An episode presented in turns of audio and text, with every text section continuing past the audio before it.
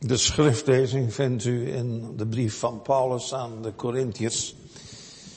De eerste brief, hoofdstuk 15, en we lezen de versen 1 tot en met 20. 1 Korinthe 15, vanaf vers 1 tot en met vers 20. Daar luidt het woord Gods al dus. Verder maak ik u bekend, broeders, het evangelie dat ik u verkondigd heb, dat u ook aangenomen hebt waarin u ook staat. Waardoor u ook zalig wordt als u eraan vasthoudt, zoals ik het u verkondigd heb, tenzij dat u te vergeefs geloofd hebt. Want ik heb u ten eerste overgeleverd wat ik ook ontvangen heb, dat Christus gestorven is voor onze zonden, overeenkomstig de schrift, en dat hij begraven is en dat hij opgewekt is op de derde dag, overeenkomstig de schriften, en dat hij verschenen is aan Kefas, daarna aan de twaalf, daarna is hij verschenen aan meer dan 500 broeders tegelijk, van wie de meesten nu nog in leven zijn, maar sommigen ook zijn ontslapen. Hierna is hij verschenen aan Jacobus, daarna aan alle apostelen, en als laatste van allen is hij ook aan mij verschenen als aan de ontijdig geborene. Ik immers ben de minste van de apostelen die niet waard ben een apostel genaamd te worden, omdat ik de gemeente van God vervolgd heb. Maar door de genade van God ben ik wat ik ben. En zijn genade voor mij is niet te vergeefs geweest. Integendeel, ik heb mij meer ingespannen dan zij allen. Niet ik echter, maar de genade van God die met mij is. Of ik het dan ben of zij, zo prediken wij. En zo hebt u geloofd. Als nu van Christus gepreekt wordt dat hij uit de doden is opgewekt, hoe kunnen sommigen onder u dan zeggen dat er geen opstanding van de doden is? En als er geen opstanding van de doden is, dan is Christus ook niet opgewekt. En als Christus niet is opgewekt, dan is onze prediking zonder inhoud. En zonder inhoud is ook uw geloof. En dan blijken wij ook valse getuigen van God te zijn. We hebben namelijk van God getuigd dat hij Christus heeft opgewekt, terwijl hij die niet opgewekt heeft, als inderdaad de doden niet opgewekt worden. Immers als de doden niet opgewekt worden, is ook Christus niet opgewekt. En als Christus niet is opgewekt, is uw geloof zinloos. U bent dan nog in uw zonden. Dan zijn ook zij die in Christus ontslapen zijn, verloren. Als wij alleen voor dit leven op Christus onze hoop gevestigd hebben, zijn wij de meest beklagenswaardige van alle mensen. Maar nu, Christus is opgewekt uit de doden en is de eersteling geworden van hen die ontslapen zijn. Amen. Tot zover de schriftlezing. De tekstwoorden vindt u in de eerste vier versen van dit schriftgedeelte 1 Korinthe 15, de versen 1 tot en met 4. Verder maak ik u bekend, broeders, het evangelie dat ik u verkondigd heb, dat u ook aangenomen hebt, waarin u ook staat, waardoor u ook zalig wordt, als u eraan vasthoudt, zoals ik het u verkondigd heb, tenzij dat u te vergeefs geloofd hebt. Want ik heb u ten eerste overgeleverd wat ik ook ontvangen heb, dat Christus gestorven is voor onze zonden, overeenkomstig de schriften, en dat hij begraven is, en dat hij opgewekt is op de derde dag, overeenkomstig de schriften. Tot zover. Gemeente, speelt zich heel wat af in de gemeente van Korinthe. Als je de hoofdstukken 1 tot en met 14 leest van de brief van Paulus aan de Corinthiërs, dan stapelt de apostel de ene vermaning op de andere. En dat vanwege de vele zondige praktijken die er in de gemeente leven. En dan moet u bedenken dat die gemeente nog maar net tot geestelijke wasdom is gekomen. En wat zie je dan al? Dat het onkruid de kop opsteekt.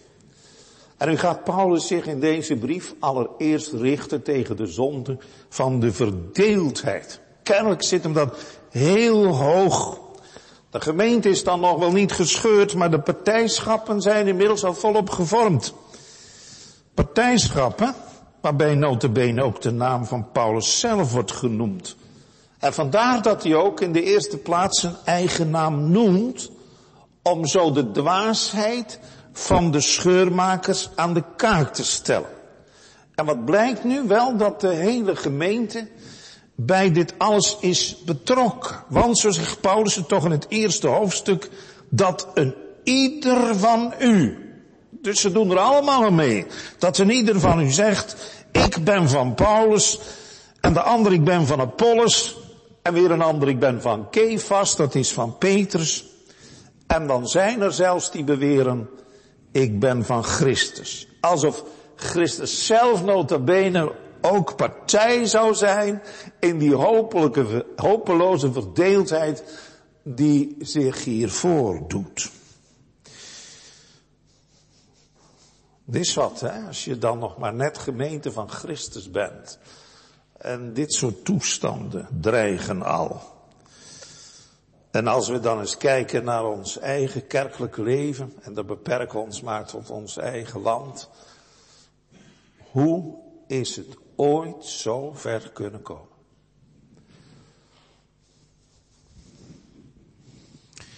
En dan nemen we alleen nog maar de gereformeerde gezinten. Wat een verdeeldheid, nietwaar? Ik heb ze opgeschreven, anders denk ik, ik vergeet er nog een paar. En dan zijn misschien mensen beledigd dat ze hun kerkgenootschap niet horen noemen.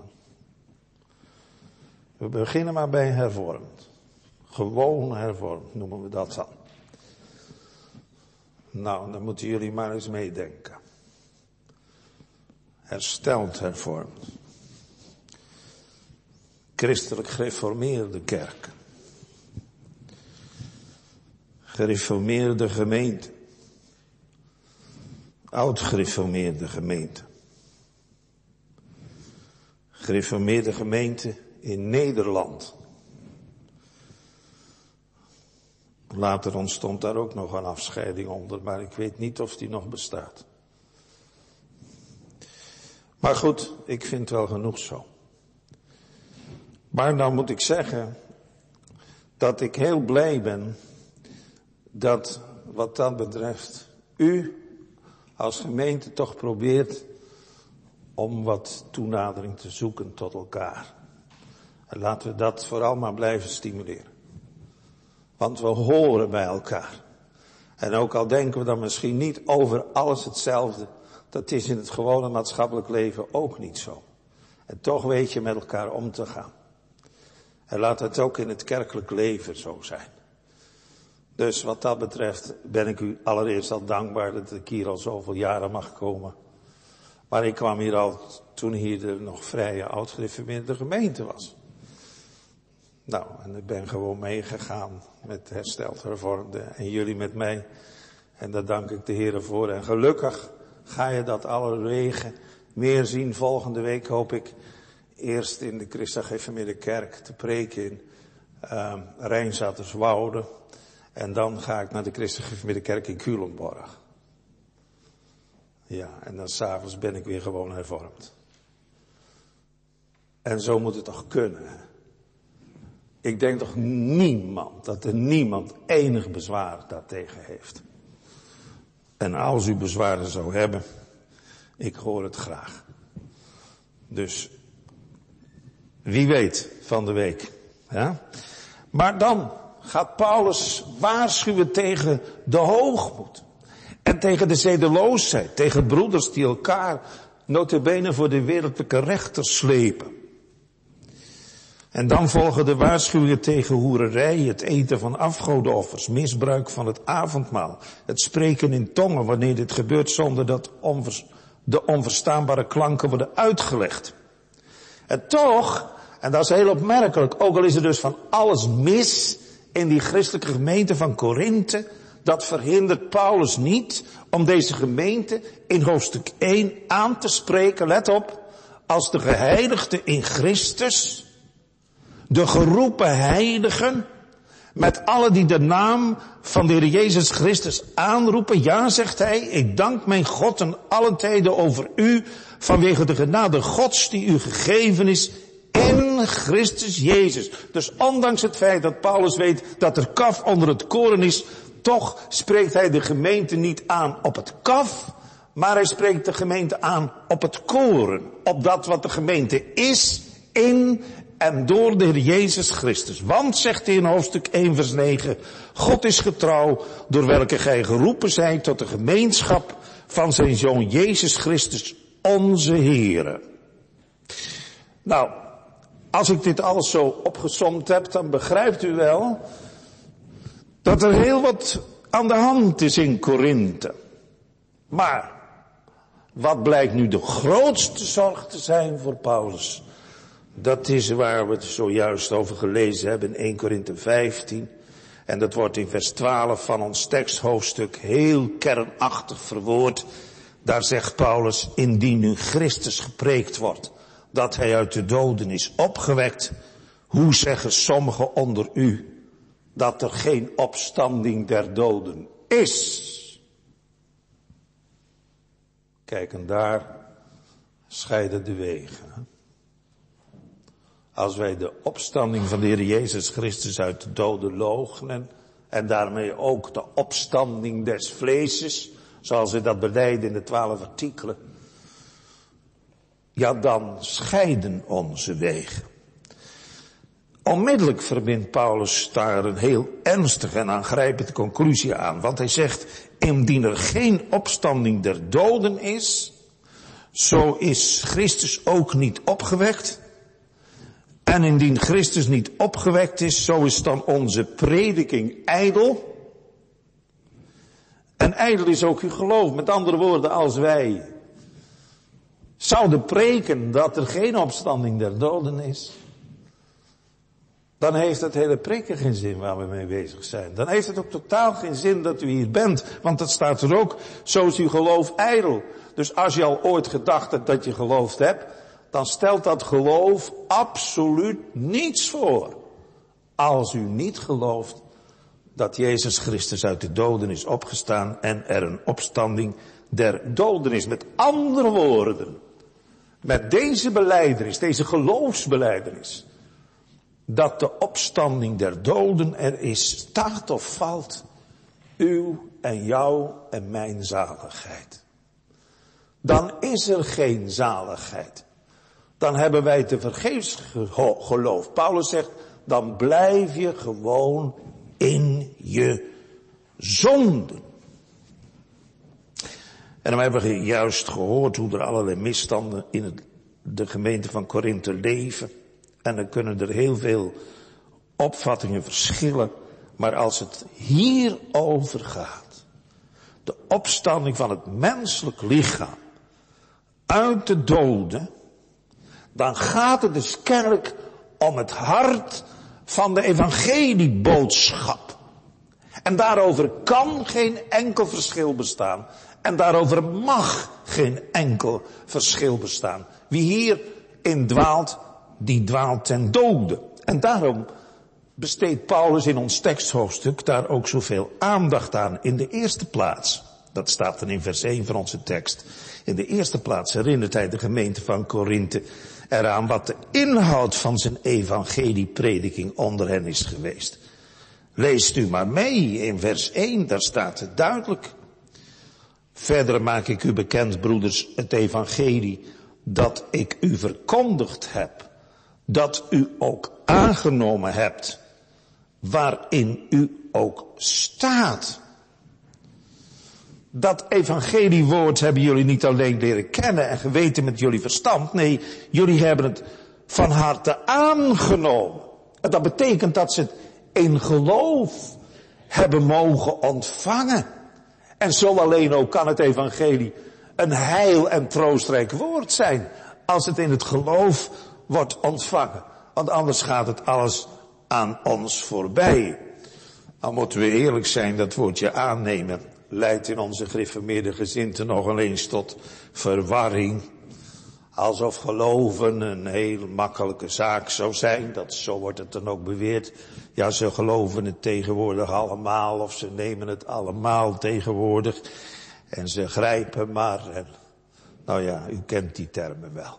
Maar wij moeten de schrift laten spreken, niet wat mensen ervan maken. Want het aannemen des geloofs is een voluit bijbels getuigenis. Hoe krijgen wij deel aan Christus en al zijn weldaad? Dat is door het woord aan te nemen aangaande deze Christus voor wat het waarlijk is. Namelijk het woord van God. En daar dankt Paulus de Heere God voor. En dan denk ik aan de gemeente van Thessalonica. Ook allemaal heidenen. Zijn tot geloof en bekering gekomen.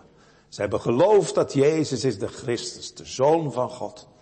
En ze geloofden dat ze door het geloof in Hem het leven zouden hebben. Uit kracht van zijn naam.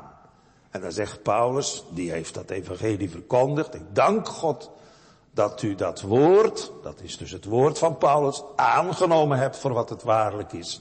Namelijk het woord van God. Voluit bijbels. Aannemen of ontvangen.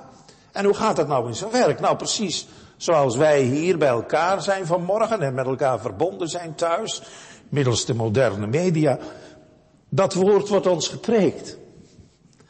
En nou behaagt het God, en houd dat nou eens goed vast, nou behaagt het God om door de dwaasheid van de prediking, want wat stelt het voor?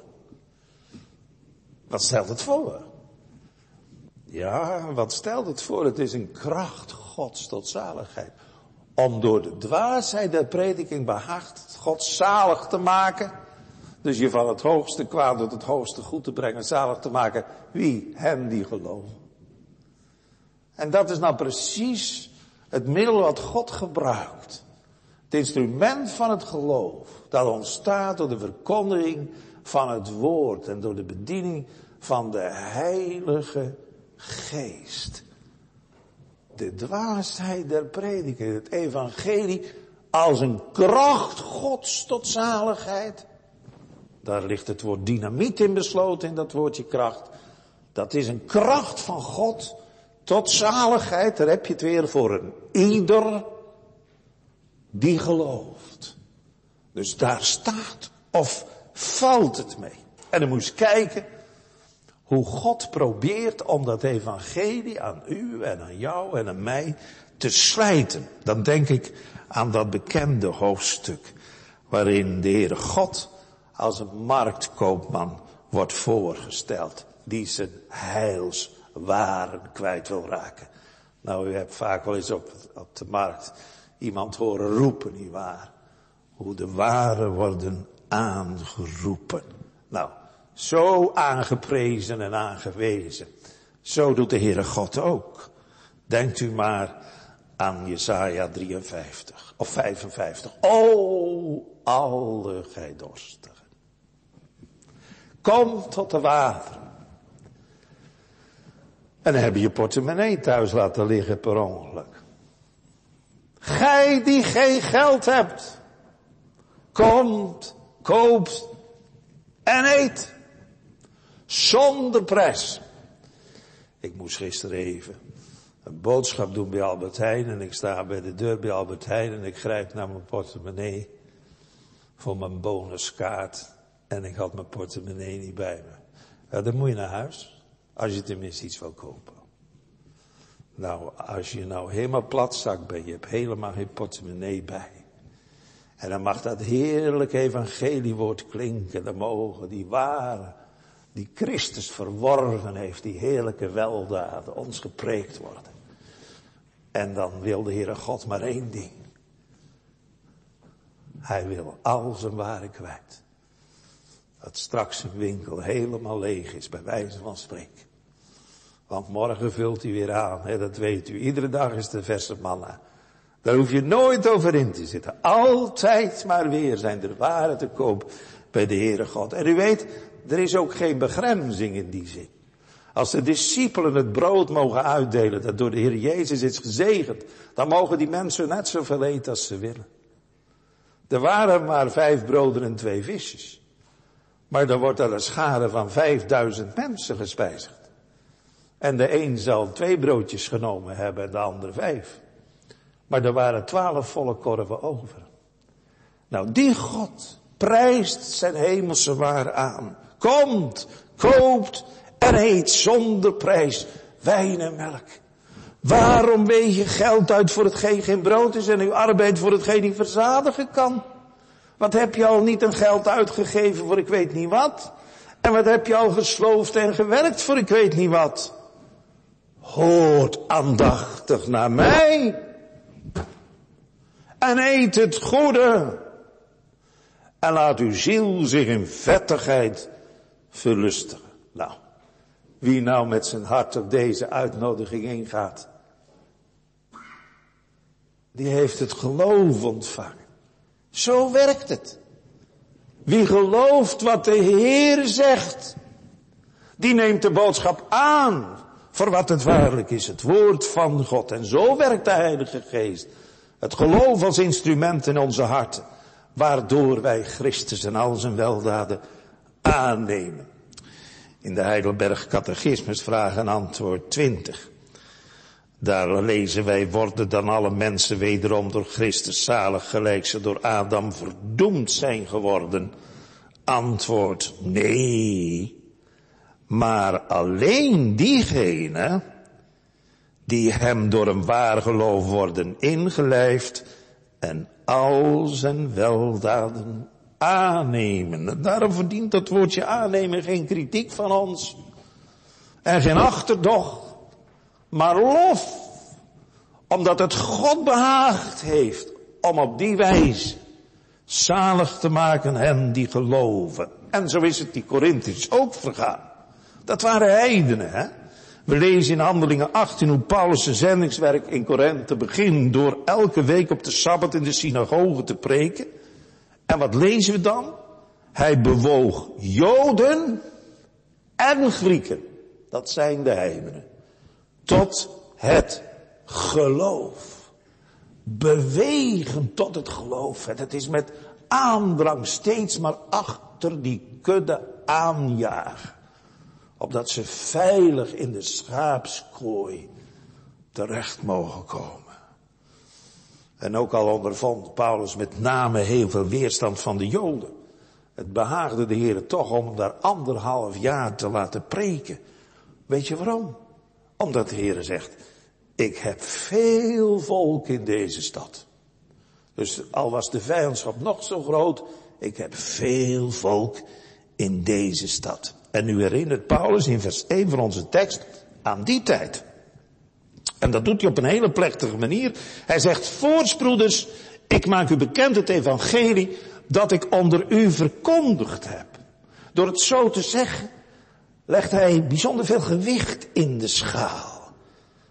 Het is ook echt een nieuw en een zeer belangwekkend hoofdstuk in deze brief. Dit evangelie hebben jullie niet alleen aangenomen door het geloof, maar jullie staan er ook in, met andere woorden.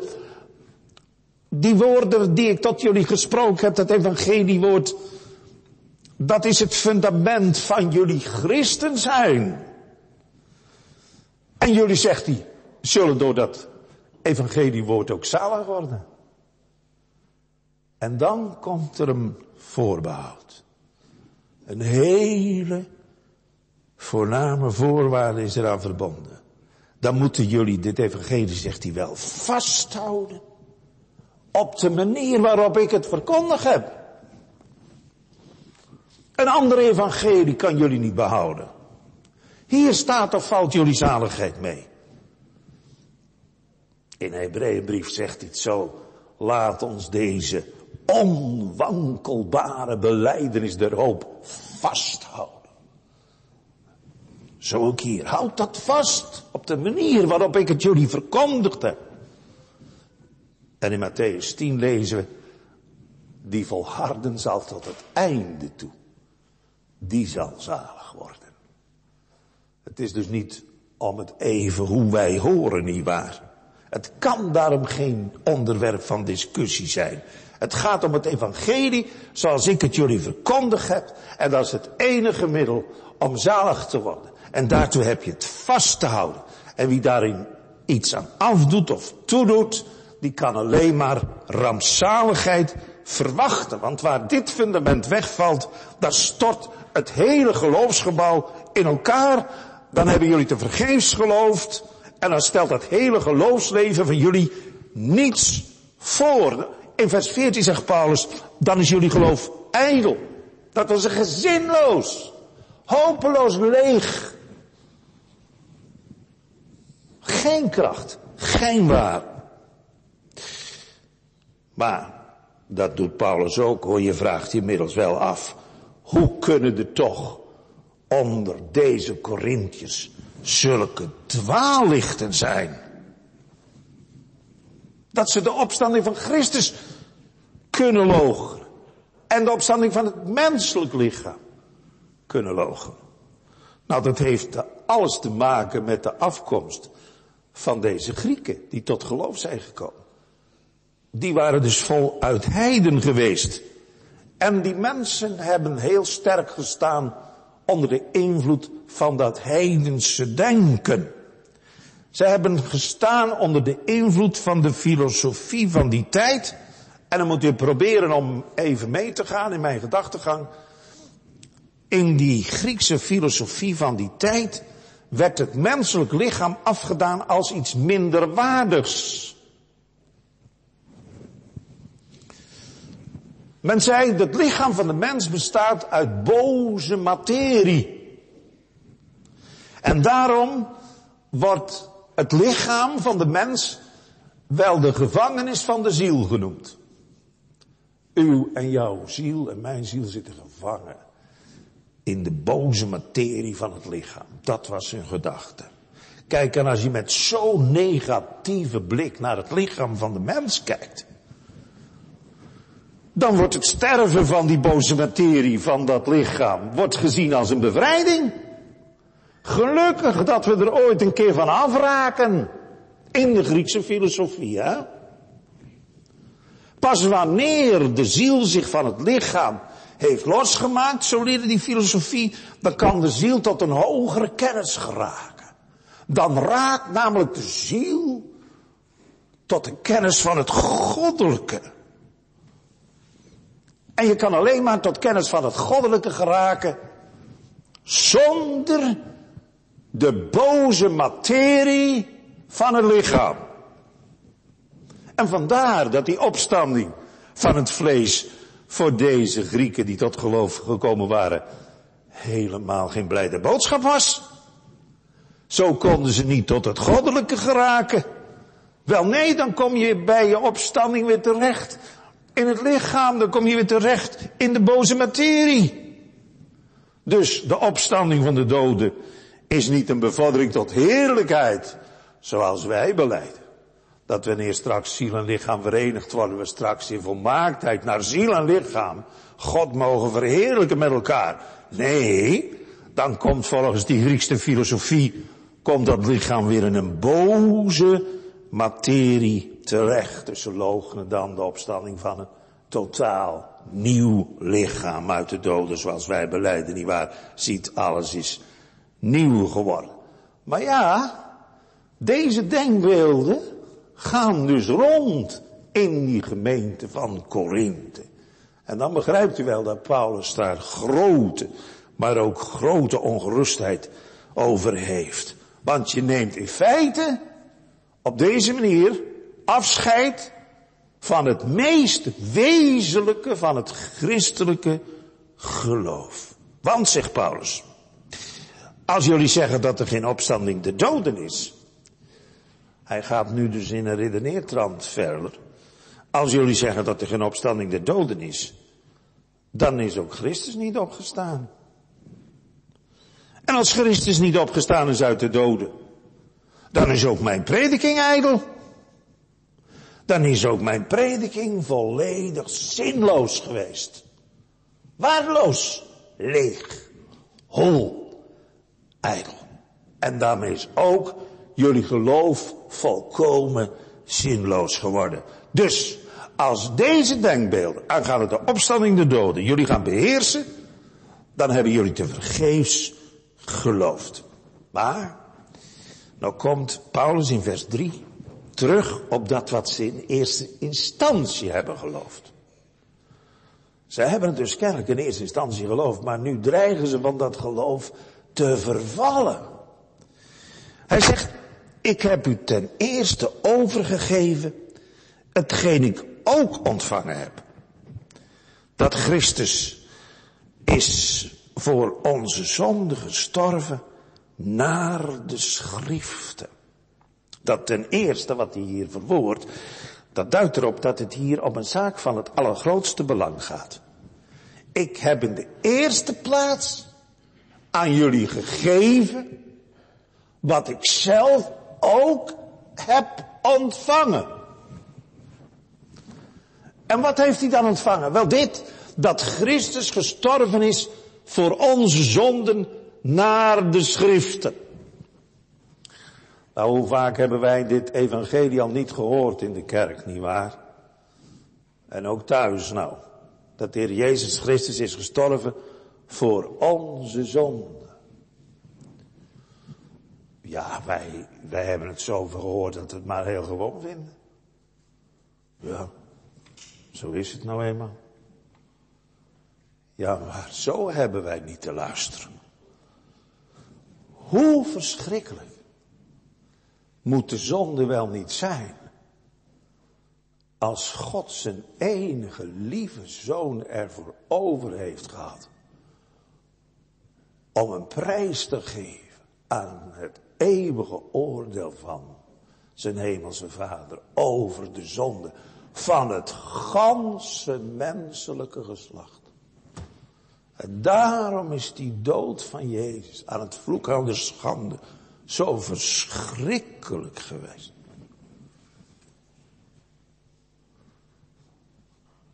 Jezus heeft daarvan gezegd. Al zo lief heeft God de wereld gehad. Wat een liefde moet dat niet geweest zijn. Dat hij zijn enige geboren zoon gegeven heeft. En dan die heerlijke woorden erachteraan. Opdat een ieder die in hem gelooft niet verderven, maar het eeuwige leven hebben. O, dat woord moet, moet geloofd worden. Want daar valt ook in die tekst de scheiding. Hij is gestorven onder het oordeel van God. Opdat ik niet geoordeeld zou worden. En dat is de enige troost. Zowel in leven als in sterven. Maar ook, hoe groot moet de toren van God over de zonde geweest zijn. Dat eer dat hij die ongestraft liet blijven, deze bezochten zijn lieve zoon. Maar ook hoe groot moet de liefde van God zelf en van de zoon niet geweest zijn. Tot wat voor mensen? Tot boze zondaren, vijanden, die niets van God willen weten, om die nou te maken. Uit kracht van het bloed van Christus. Dat reinigt van alle zonden. En wat is dat bloed ons nabijgebracht in ons leven? Ik kan het soms niet geloven dat toen ik nog maar een enkele week oud was, dat bloed al aan mijn voorhoofd is vastgemaakt. Dat volstrekt eenzijdige van God. Wat ga je dat bewonderen in je leven? Daar kun je nooit, nooit genoeg jezelf over verwonderen. Mijn God, u zal ik even geloven. Omdat gij het hebt gedaan. Zo worden vijanden met God verzoend uit kracht van het bloed van Gods eigen lieve zoon, de Heer Jezus Christus. Nou, Paulus zegt, dit evangeliewoord heb ik niet zomaar van horen zeggen. Nee, hij heeft dat heel persoonlijk leren kennen in zijn leven. Hij zegt, ik heb het ontvangen. Precies zoals zondaren het nu nog ontvangen. Daar kwam een moment in het leven van Paulus, toen Christus zich openbaarde in zijn leven, dat hij dit genadewonder heel persoonlijk mocht ervaren.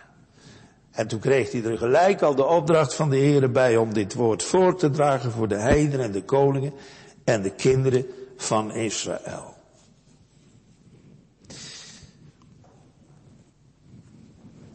Dat Jezus is gestorven. Dat hoeft Paulus niet te bewijzen, want dat wist. Hoeveel duizenden mensen hebben Jezus niet aan het kruis zien hangen?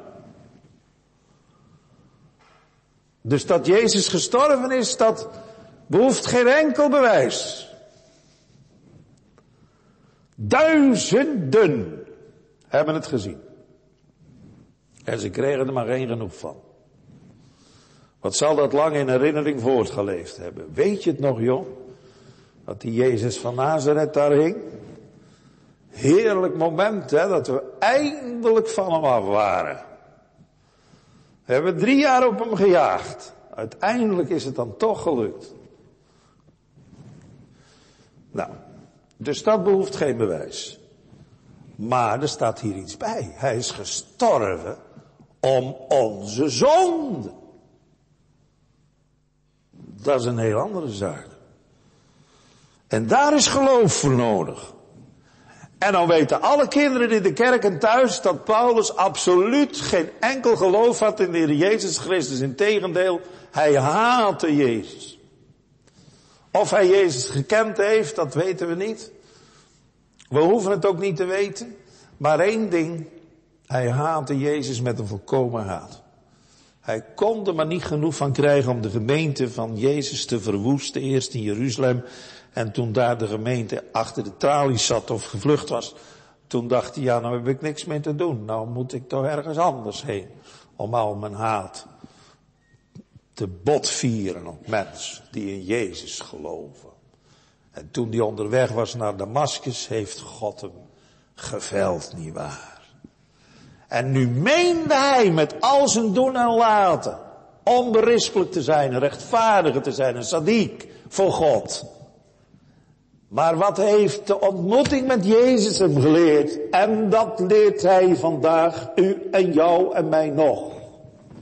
Om alle schade en drek te leren achten. Om de uitnemendheid van de kennis van de Heer Jezus Christus. En dan moet je kijken hoe prachtig dat hij dat hier nog doet. Nou voert hij nog niet eens zijn eigen beleving aan als zeg maar het, het bewijs. Nee, hij zegt gestorven voor onze zonden. En als er nou één is geweest die dat heeft leren kennen, is het Paulus. En dat heeft hij ook overgegeven. Maar hij onderbouwt het niet met zijn eigen, eigen bevinding. Hij onderbouwt het met de schriften. Volgens de schriften. En ongetwijfeld heeft hij hier natuurlijk Jesaja 53 voor ogen gehad. Dat Christus voor onze zonden is gestorven. En wat de genadegemeente dat wij dit woord iedere zondag mogen horen en mogen preken. Want wat staat er nou in Jesaja 53? Paulus zegt hier, hij is gestorven om onze zonde. Dat heeft hij natuurlijk vroeger nooit gelezen zoals hij het nu mag verstaan. Nooit. Ik, ik weet zeker dat hij dat hoofdstuk uit, uit zijn hoofd gekend heeft als het ware. En er nooit één syllabe van begrepen. Waarom niet? Omdat het niet met het geloof gemeend was. En hier staat het. Kijk, en wij hebben het ook zo vaak gelezen. Maar hoe hebben we het nou gelezen? Nou luister nou eens. Hij is gestorven om onze zonde, zegt Paulus. Naar de schriften. Ja, want je zegt Jezaja, hij is om onze overtredingen verwond. En om onze ongerechtigheden is hij verprijzeld. De straf die ons tevreden aanbrengt was op hem. En door zijn striemen is ons genezing geworden. Mag ik dan zeggen vanmorgen hoe zalig is het volk dat naar uw klanken hoort? Alleen zij wandelen in het licht van het goddelijk aanschijn voort. En alleen zij kunnen zich al de dag in zijn heerlijke naam verblijden. Jezus, uw verzoenend sterven is het rustpunt van mijn hart. Kom. Wie dit woord nou mag weten, mag geloven, geloven mag weten, die mag zich zalig weten. Zalig. Dat is buiten twijfel verheven. Twijfel ik daar dan nooit over, dat een andere zaak. Maar wat het woord zegt daarover, is boven elke twijfel verheven. En nu zet, kijk, dat is ook veelzeggend hè. Hoe dat Jezaja 55, waar zo vrij wordt gesproken over, uh, over de Heer Jezus en zijn heilswerk. Dat daar dan wordt gezegd, wie heeft onze prediking geloofd? En aan wie is de arm des Heren geopenbaard? God houdt rekening met u en mijn ongeloof, kerk. En wat hebben de, de, de profeten dat ervaren? Ze hebben tegen dovenmansoren gesproken. En helaas moeten we zeggen, dat is ook vandaag nog zo vaak het geval. Onder de bediening van het evangelie. Dat mensen absoluut geen antenne hebben voor dat wat gepreekt wordt. Dat de woorden wel ontvangen worden, maar niet voor wat ze waarlijk zijn. Woorden door God zelf gesproken. En nou is het onmogelijk, zeiden we, om zonder geloof God te behagen. Jullie hebben dat woord toch ontvangen, zegt hij. Ik heb dat woord jullie gepreekt. En daar herinnert hij aan. En daar mogen we u en jou ook aan herinneren. Die woorden die je zondag aan zondag hoort. En je misschien nooit geloofd hebt. Dat dit nu het moment is dat de Heere God inderdaad zegt. Nou is het genoeg geweest met je. Hoe lang heb je je tegen mij verzet en vrede gehad? Heeft dat nou ooit vrede gegeven dat je niet wilde luisteren naar wat ik te zeggen heb? Want we gaan gewoon door. Hij is begraven. Gestorven. Begraven. Ook naar de schriften. Mooi hem dat te lezen. Jezaja 53. En men heeft zijn graf bij de goddelozen gesteld. En hij is bij de rijken in zijn dood geweest. Ik zie het zomaar gebeuren dat die woorden zijn gaan leven voor Saulus van Tarze. Wat een ontwaken moet dat er geweest zijn. Moet je zo bruut je verzet hebben. En nu zie je het gewoon gebeuren. Hij is gestorven mijn zonde. Hij is begraven om mijn zonde voor eeuwig achter te laten in het donkere graf. En hij is opgestaan. Naar de schriften weer. We hebben Psalm 16 gezongen. Gij zult mijn ziel in de hel, dat is in het dodenrijk, in het graf niet verlaten. Gij zult niet toelaten dat uw heilige de verderving ziet. Hosea 6. Hij zal ons na twee dagen levend maken. En op de derde dag zal hij ons doen verrijzen. En Jezus zelf, dat weten alle kinderen. Jona, hoe lang is hij in de buik van de walvis geweest? Nou, zeg het eens. Steek je vingers eens op. Ja, hoeveel dagen? Drie. Zie je wel? Hij weet het gelijk. En dan zegt, Jozef, uh, zegt Jezus, zolang Jona drie dagen in de walvis is geweest, alzo zal de zoon des mensen, dat is dus de Heer Jezus zelf, drie dagen en drie nachten in wezen in het hart van de aarde. Naar de schriften. Als Paulus hier spreekt over het feit dat Jezus begraven is, wil hij daarmee dus laten horen dat Jezus daadwerkelijk dood was. Hè? Want kijk, dat wordt natuurlijk ook in de dwaalleer verkondigd, dat Jezus maar schijndood is geweest. Nee, nee, nee, nee. Hij is drie dagen in het graf geweest.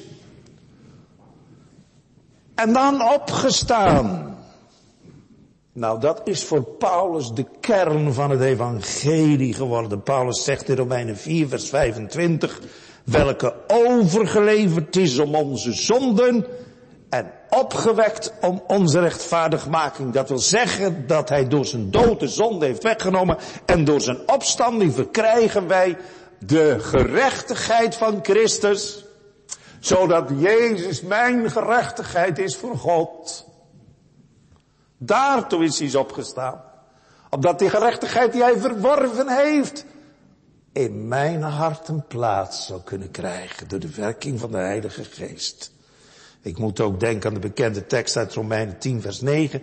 En die gij met uw mond zult beleiden dat de Heer Jezus zult beleiden de Heer Jezus en met uw hart geloven dat God hem uit de doden heeft opgewekt, zo zult gezalig worden.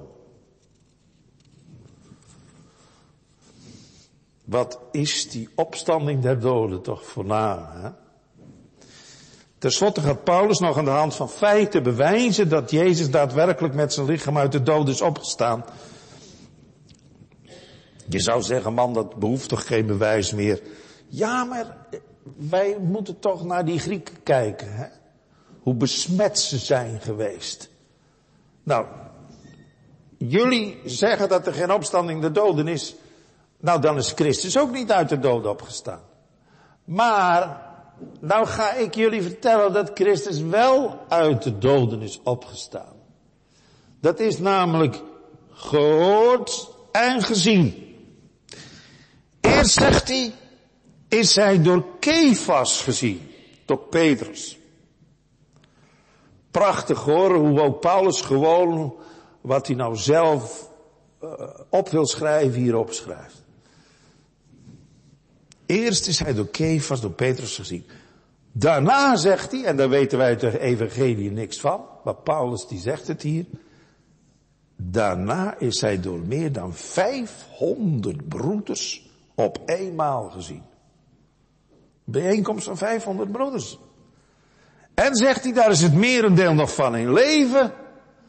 Met andere woorden, je zou zo naar naartoe kunnen gaan en zeggen, joh, hoe hebben jullie Jezus ontmoet na de opstanding? Kun je er iets van vertellen? En zegt hij, er zijn sommigen ook al van ontslapen. En daarna zegt hij, is hij ook gezien door Jacobus. En al de apostelen. Dus wat een bewijsvoering, nietwaar? Het is allemaal nog te controleren zelfs. Maar dan, dan zegt hij, en tenslotte is hij ook door mij gezien als door een ontijdig geborene. Een miskraam, een misgeboorte. En waarom noemt hij zichzelf zo? Wel omdat hij een vervolger was van de gemeente. Hoe is het mogelijk dat God naar zo'n misgeboorte heeft omgezien? Want dat was die feitelijk, als je de gemeente Gods vervolgt. En dat doet hij dan in vergelijking met al die andere apostelen. Die de Heer Jezus van meet van zijn gevolgd en, en aan zijn opdracht gevolg hebben gegeven. Terwijl Paulus zich een miskraam noemt. Hij zegt ook waarom hij zich zo noemt. Hij zegt, want ik ben de minste van de apostelen. En dan gaat hij er nog wat bij zeggen, die niet waard ben om een apostel genoemd te worden. En dan zegt hij ook nog, omdat ik de gemeente Gods vervolgd heb. Je kunt wel merken wat een diepe sporen dat in zijn leven heeft nagelaten. En nou kijk ik u en jou en mezelf in de ogen. Er zijn dingen in je leven. En laat ik nou maar bij mezelf blijven. Er zijn dingen in je leven. Die zulke diepe sporen trekken. Dat je ze nooit meer vergeet. En dat is nou bij Paulus zo. Dat heeft hem heel zijn leven toch, heeft hij dat meegedragen. Ik heb de gemeente Gods vervolgd. Hij heeft zitten genieten van de dood van Stefanus. En wat zal die blij geweest zijn toen de Heer Jezus gekruisigd was geworden.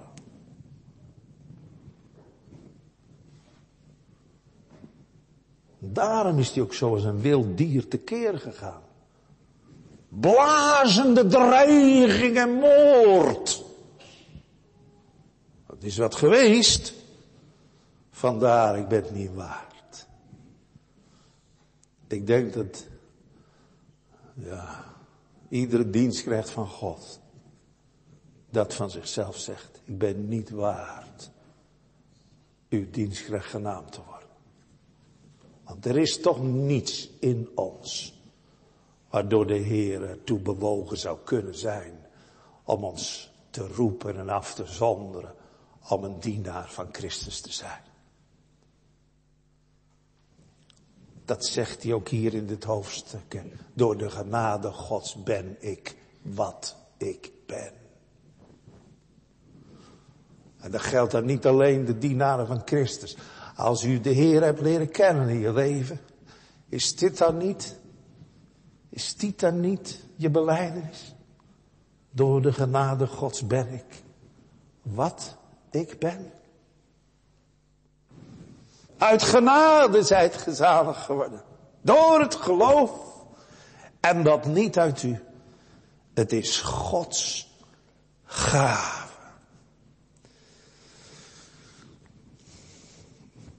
Wat weet Paulus veel hè, over de opstanding van Jezus Christus uit de doden. Hij noemt zelfs feiten op die wij niet eens kennen. Hij slaat gewoon nog dingen over. Dan zeg je, ja, vergeet je nou dat hij die vrouwen gezien heeft en Maria Magdalena en die Emmausgangers?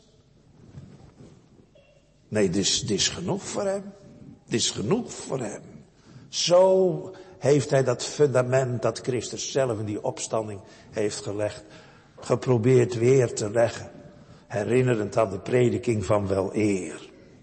Matthew Henry, die zegt in dit verband, Christus dood en opstanding zijn de hele samenvatting van de evangelische waarheid.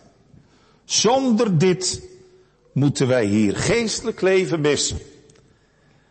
En zij zijn de grond van onze hoop voor het leven hiernamaals. En dan eindig ik met een heel toepasselijk lied op deze stof. Het is een lied van Ernst Christoph Homburg.